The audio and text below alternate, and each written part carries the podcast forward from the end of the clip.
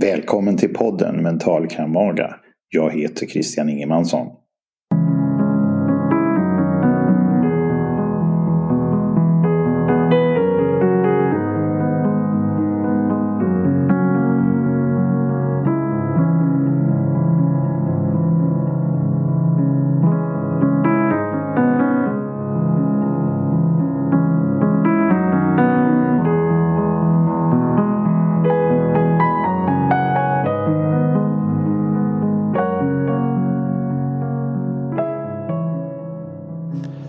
När det stormar i livet. Det här är ett viktigt avsnitt som alla borde få möjlighet att lyssna på.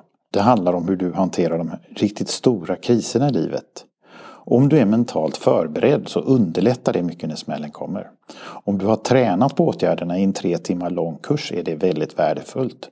Om du har en checklista med åtgärder som du kan följa när stormen kommer med full styrka så underlättar det kraftigt. Om du gör en åtgärdskalender när du är lugn och rationell så är den skräddarsydd och du kan plocka fram den när du behöver den. Min värsta kris i livet är en trippelsmäll. Det blev skilsmässa, jag tappade kontakten med mina barn, jag bytte jobb och detta samtidigt. Och då från ett utgångsläge när jag var väldigt stressad och väldigt mentalt svag.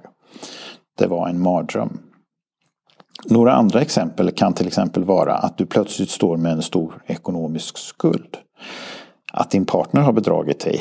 Att du eller en familjemedlem får en livshotande sjukdom.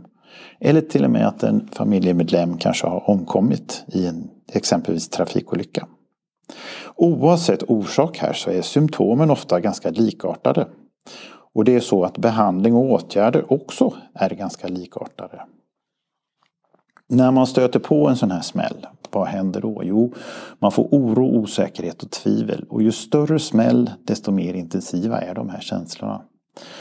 Man överväldigas och det blir svårt att hantera det som händer på ett rationellt och bra sätt. Men man ska komma ihåg att många människor har varit med om liknande saker och ofta värre och hanterat det bra. Jag är en av dem som har lyckats hantera det här bra. Och jag hoppas att du ska kunna inspireras av mig och andra som har hittat en väg framåt. Och det bevisar ju att det går att få ett bra liv igen. Och jag hoppas att det ska skapa hopp för dig. Testa om de metoder som fungerade för mig även fungerar för dig. Och sannolikheten är hög att de gör det. Det är viktigt att komma igång snabbt. Hitta efterhand de metoder och tekniker som ger dig mest effekt. Du kan behöva testa dig fram om det skulle vara så här att de här åtgärderna i listan som jag ger dig nedan inte ger dig önskat resultat. Men testa andra då. Hitta metoder som gör att du mår bra. Jag hade följande symptom. Ångest. Jättejobbiga katastroftankar. Fick ett väldigt negativt filter på grund av hög stress. Överdrev risker och överdrev mina möjligheter att ta mig ur det här. Jag fick ett tankekaos, ett förfärligt ältande. Eh, hela tiden gick en massa tankar i loopar. Jag höll på att fråga varför om och om igen och fastnade i det här tankekaoset. Jag var också mentalt och fysiskt utmattad. Jag glömde bort att äta och dricka. Och då blir man ju ännu mer fysiskt svag och det spiller över på hjärnan då. Och att jag hela tiden höll på med det här tankekaoset och stressnivån var hög. Det gjorde att hjärnan aldrig fick vila och då blir man ju mentalt utmattad. Och så kunde jag inte sova. Alla sakerna förstärker varandra. Och sen ett väldigt negativt fokus leder till nedstämdhet. Jag såg ingenting positivt. Allt kändes meningslöst. Jag ville bara ge upp utan att ens försöka mig på någon åtgärd. Det kändes precis som att jag ramlade ner i en mörk brunn kan man säga. Och efterhand så landade jag på botten när det inte fanns mer att förlora. Och då började jag titta upp och så kunde jag skymta ljuset där uppe. Men jag funderade på att jag inte ville leva längre. Och orsaken till det var att min ångest var så stark. Du kan känna samma sak men det är alltid fel att vilja avsluta sitt liv. Utan man ska alltid gå vidare. Sök professionell hjälp om du har den typen av tankar. Jag hamnade i först att jag fick en handlingsförlamning. Att jag, jag blev så blockerad av allt som hände så att jag hade det var så mycket som skulle göras och jag fastnade i det här då. Nu ska vi gå in på åtgärder första och andra veckan. Åtgärd nummer ett. Det här är en extraordinär krissituation. Ta hjälp direkt. Vem ska man ta hjälp av? Ja, till exempel någon som har gått igenom det du har framför dig och lyckats med ett bra resultat. Gärna en bestämd guide eh, som hjälper dig så att du sparar mycket onödigt lidande. Jag räknar med efteråt att 80% av allt mitt lidande eh, mentalt var helt i onödan. Nummer två. Undvik alkohol. Det är bara destruktivt. Jag testade att dricka whisky och det var bara eländigt. Efter ett tag, kort tag så insåg jag det och slutade med det. Nummer tre. Se till att äta och dricka för att kroppen ska fungera och för att hjärnan ska ha en chans att fungera på vettig nivå så behövs både vätska och eh, näring. Och man får göra det här trots att det tar emot. Det gäller att skärpa sig. Ha gärna någon som hjälper dig. Någon som ringer varje dag och påminner om det här. För det behövs. Nummer fyra. Ångestlindring. Hur gör man det? Det jag kom på fungerade och var bra. Det var fysisk aktivitet. Jag brukade gå ut och gå i långa sträckor. Efter en timme så börjar jag bli lugn. Efter två timmar då började jag bli ordentligt lugn. Det funkar också bra med, med lätta styrketräningspass. Eh, däremot så är högintensiv träning inte så bra därför att just i det superakuta skedet så får man för mycket stresshormoner av det. Eh, men eh, du kan prova Vissa människor reagerar bra på att bränna av stresshormonerna genom fysisk aktivitet. Så det här är en sak du måste testa dig fram. Det är också väldigt bra med fysisk aktivitet så att man blir fysiskt trött så att man kan somna. Och genom att man har, får ner ångestnivån och genom att man börjar sova så blir man mottaglig för övriga åtgärder. Då. Punkt nummer fem, där har vi sömnen. Det är oerhört viktigt för återhämtningen. Och när de här tankekaoset och det här kommer så är det bra tycker jag att ha en anteckningsbok bredvid sängen så att jag kan skriva ner mina tankar. När jag har skrivit ner dem vet jag att de inte glöms bort och då kan de sluta att snurra i huvudet. Nummer sex, jätteviktigt, att sluta fråga varför den här krisen har hänt. Den har hänt och nu gäller det att hantera den. Att gå tillbaks och, och fundera på varför i detta skedet är, är inte meningsfullt överhuvudtaget. Så fatta ett radikalt beslut att du slutar fråga varför och det gör du för att kunna må bättre. Du får helt enkelt lita på mig på det här och testa eh, vad som händer. Nummer sju. Sluta älta samma tankar hela tiden. Som jag var inne på tidigare, skriv ner din anteckningsbok. Så att du har det. Då kan du strukturera upp det och, och titta på det och, eh, kort. Men framförallt kan du släppa det. Ha gärna en regel att du släpper det en vecka. Kom ihåg att aphjärnan är ologisk och kör lätt fast i cirkelresonemang. Nummer åtta. Gör upp dagsrutiner som skapar en struktur och en trygghet. Gärna skriftligt och så följer du det. Fortsätt att jobba, en oerhört viktig punkt. Även om det är besvärligt eh, så, så skapar aktivitet på dagen den distraktion som du behöver för att komma vidare. Gå och lägg dig klockan 10 och gå upp klockan 7. Eller de tider du brukade innan. Se till att du äter frukost, lunch och middag. Även om det tar emot. Hur mycket den tar emot. Ät i alla fall för du behöver äta. Bädda sängen. Handla, städa och tvätta. Låt det inte bli ett stort förfall. Duscha. Det är bra för det mentala att ta en dusch också. Nummer 9. Använd maxat agerande. Fatta nödvändiga beslut som du behöver göra och börja sen att direkt att agera mot en lösning. Ta tag i problem som du har, konkreta problem. När du får resultat så kommer du att må mycket bättre. Nummer 10 är blockmetoden. Jag gick till en psykolog som var väldigt bra på så sätt att hon gav mig just det här verktyget.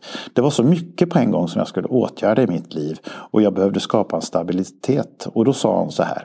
Hörru Christian, dela in livet i 8 till 10 nyckelområden och skriv ner dem. Till exempel boende, arbete, transporter och så vidare.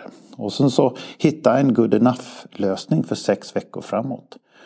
Och sen så när det har gått sex veckor kan du ta upp det området igen och sen så börjar du med förbättringar.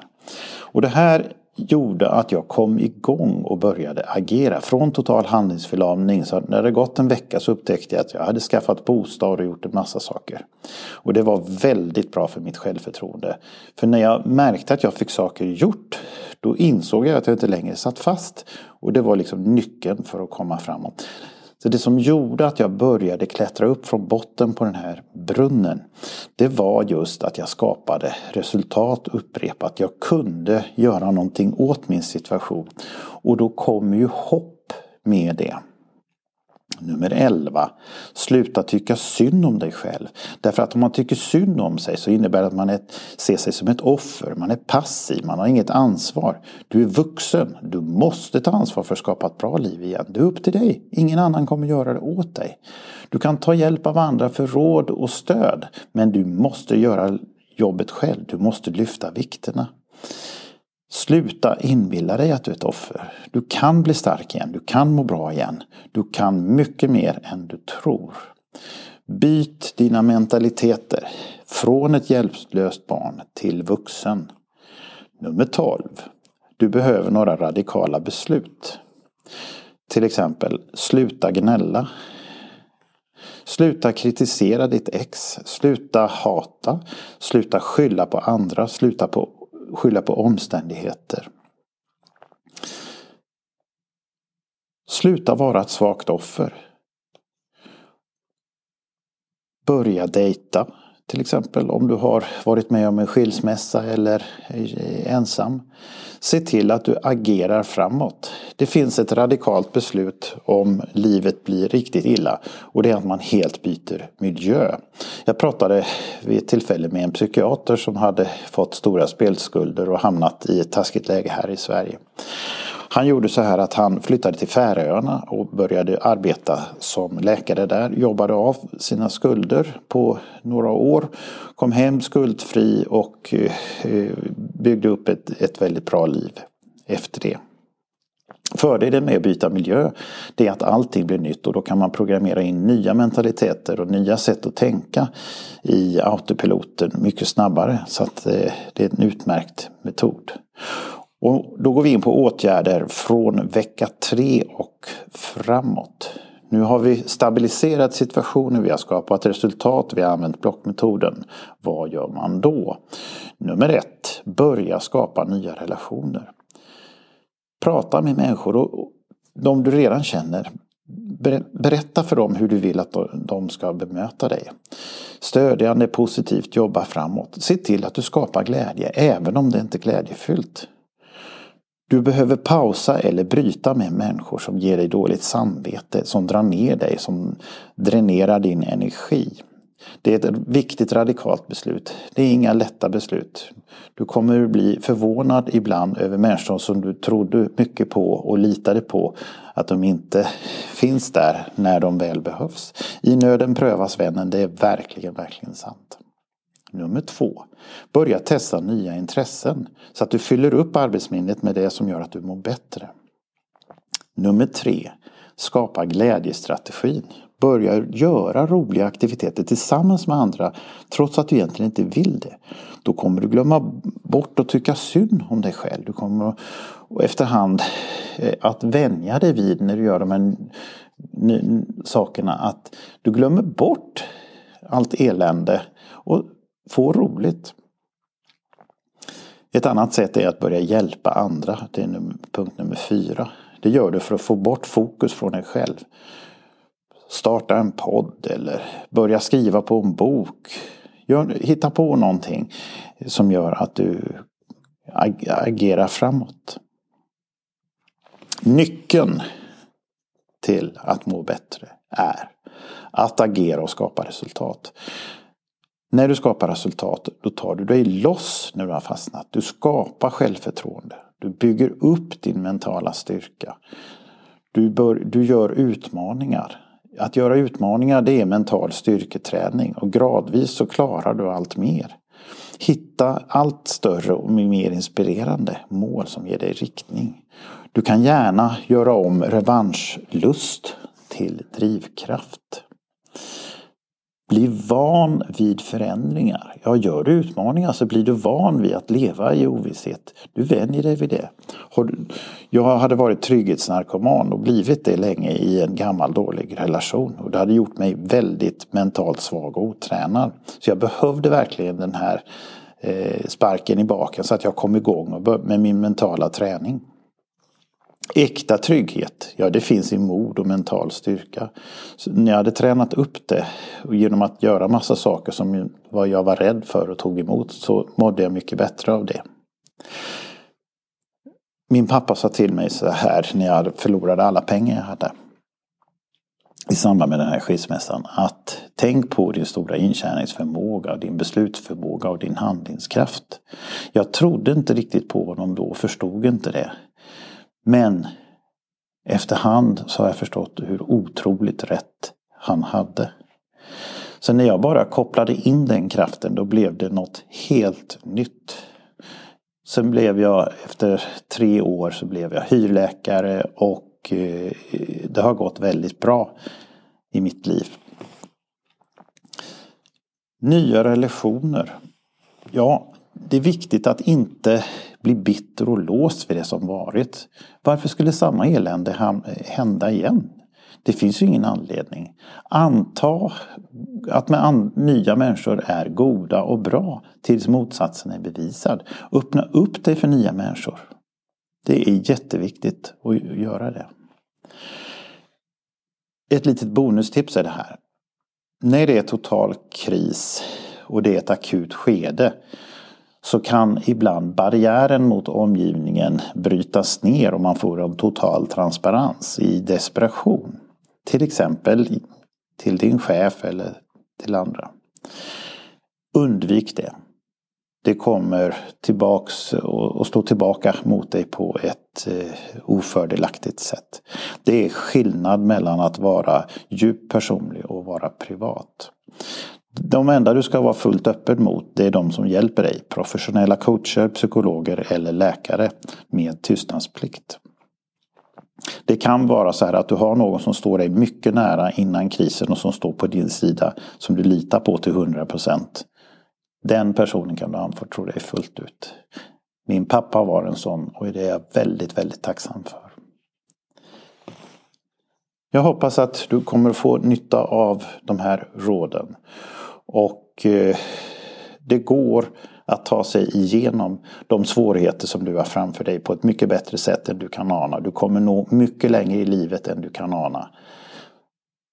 Skapa resultat, jobba framåt, tänk positivt, följ råden ovan. Och med det tackar jag för mig. Ha en härlig dag. Tack och hej!